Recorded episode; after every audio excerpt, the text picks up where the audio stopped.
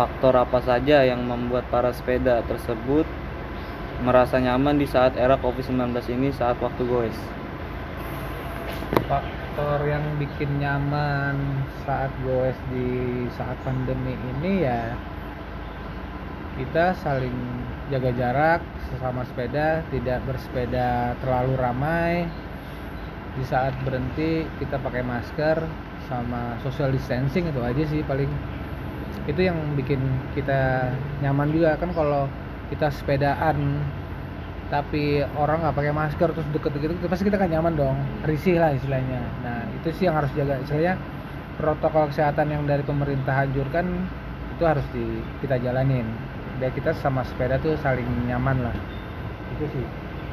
Lanjut yang kedua, eh, mengapa harus memilih berolahraga? Sedangkan di masa pandemi ini banyak lagi aktivitas berolahraga seperti senam dan lain-lainnya. Kenapa bersepeda ini jadi peran utama di saat COVID-19 ini?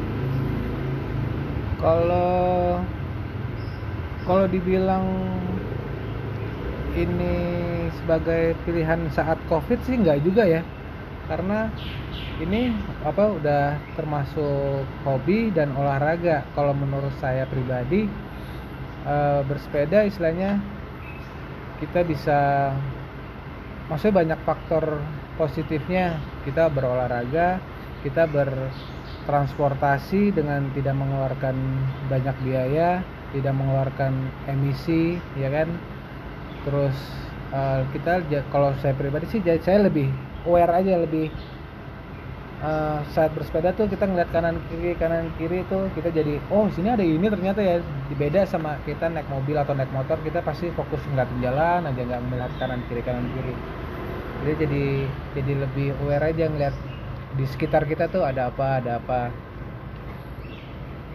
Lanjut, siapa yang menjadi tokoh utama atau pemimpin para sepeda komunitas cycling saat ini ingin goes dengan jangka jarak yang jauh. Jadi eh, sewaktu-waktu para sepeda ini ingin goes nih siapa tokoh pemimpinnya itu di saat di jalan. kalau maksudnya untuk di cyclist Hub sendiri Iya. kalau di cyclist Hub sendiri paling yang untuk di depannya itu yang tahu jalan udah pasti nyasar ya? Yang pasti jalan udah pasti dan yang udah terbiasa bersepeda yang udah sering bersepeda. Jadi eh, dia tahu ritmenya anggota di belakang kuat apa enggak dia juga harus tahu. Iya. jadi kapan harus kencang kapan harus pelan gitu. Jadi dia harus bisa ngontrol rombongan yang juga yang di belakang.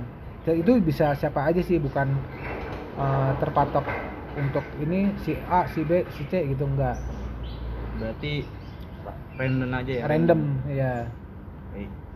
Terus untuk waktu kapan saja para sepeda tersebut membawa sepedanya untuk diservis di bengkel servis atau ada rancangan ketika besok ingin goes bareng atau enggak?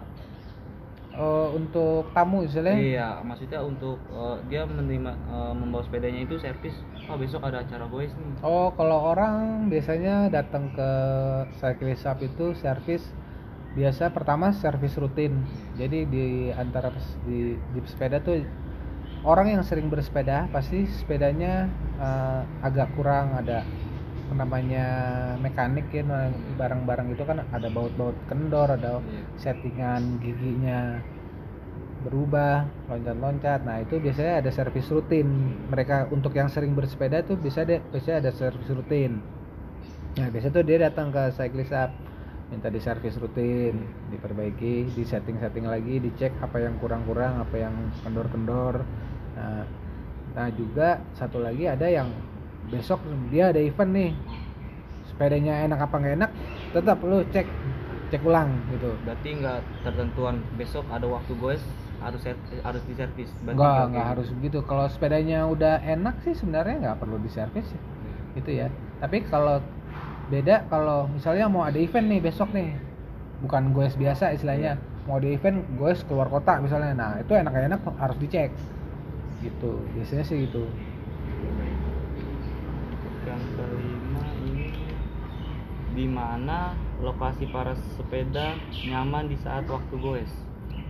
jalur nyamannya itu di saat waktu gue itu berada di mana gitu Eh, pesepeda merasa nyaman kalau kendaraan lain itu saling saling berbagi lah berbagi jalan saling menghormati saling istilahnya saling eh, mengerti kalau oh ini sepeda jalurnya di sini jadi istilahnya kita ya sesama pengendara sih harusnya saling mengerti. Karena kan jalan jalan umum kita juga yang bukan bukan berarti pesepeda itu harus diperhatikan terus enggak jadi kita juga kalau kita ngambil jalan kalau kita lampu merah ya kita harus berhenti.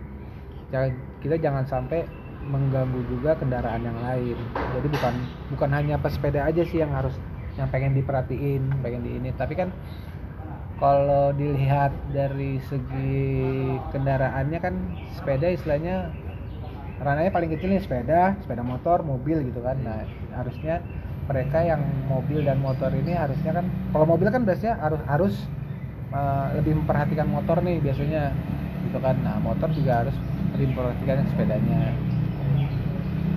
Untuk yang terakhir eh, bagaimana efek terbentuknya sebuah bengkel cyclist hub tersebut sehingga menjadi peran utama bagi para sepeda? Eh, terbentuknya kita bikin cyclist hub ini awalnya dari dari teman mau ngajakin sih ngajakin join mau bikin bengkel sepeda.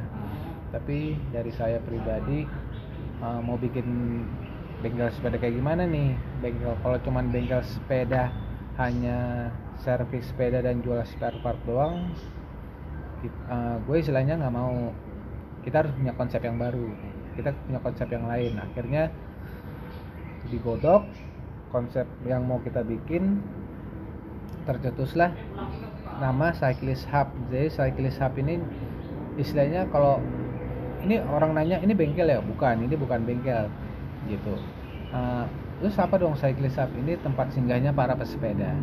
Gitu. jadi secara nggak langsung sama aja kayak komunitas gitu ya?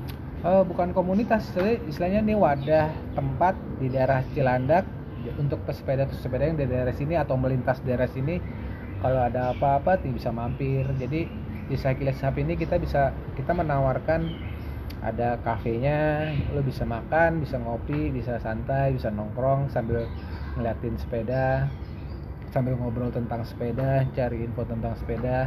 Nah, terus untuk yang bike to work yang dia kerja pakai sepeda ke kantor untuk di daerah Cilandak sini dia pagi-pagi bisa datang bisa ngopi dulu atau sarapan dulu nah dia mau ke kantor kan dia sep- habis sepedaan keringetan tuh ya Iya. keringetan nah kita kamar mandi kita punya shower dia bisa mandi jadi saat dia selesai mandi dia mau berangkat ke kantor Nah, terserah tuh dia mau nitipin sepedanya atau sambil dicuci, sambil diservis atau cuman sekedar menitipkan sepedanya aja dia ke kantor pun tidak apa-apa kita kita terima gitu. Terus ada lagi yang eh, kita kita tawarkan untuk pesepeda-pesepeda yang dari luar kota. Mau ada event misalnya di Jakarta dia datang ke Jakarta nyari tempat nginep kita punya namanya cyclist homestay. Ada tempat nginep di sini perharinya 350.000 sama seperti harga yang kalau mau langsung ke ke homestaynya langsung juga bisa harganya juga sama 350.000 tapi kalau lewat cyclist hub dia pesepeda mau nginep di sini dia gratis cuci sepeda sekali. Jadi jadi bisa dibilang ini tuh bukan bengkel jadi nih macam-macam lah di sini istilahnya. Lo bisa datang untuk kerja bawa laptop sambil sepeda lo dibersihin sambil apa apalagi cuma pengen datang nongkrong doang pun kita bisa. Cukup itu aja baik. Itu aja. Ya. thank you mas terima Akbar kasih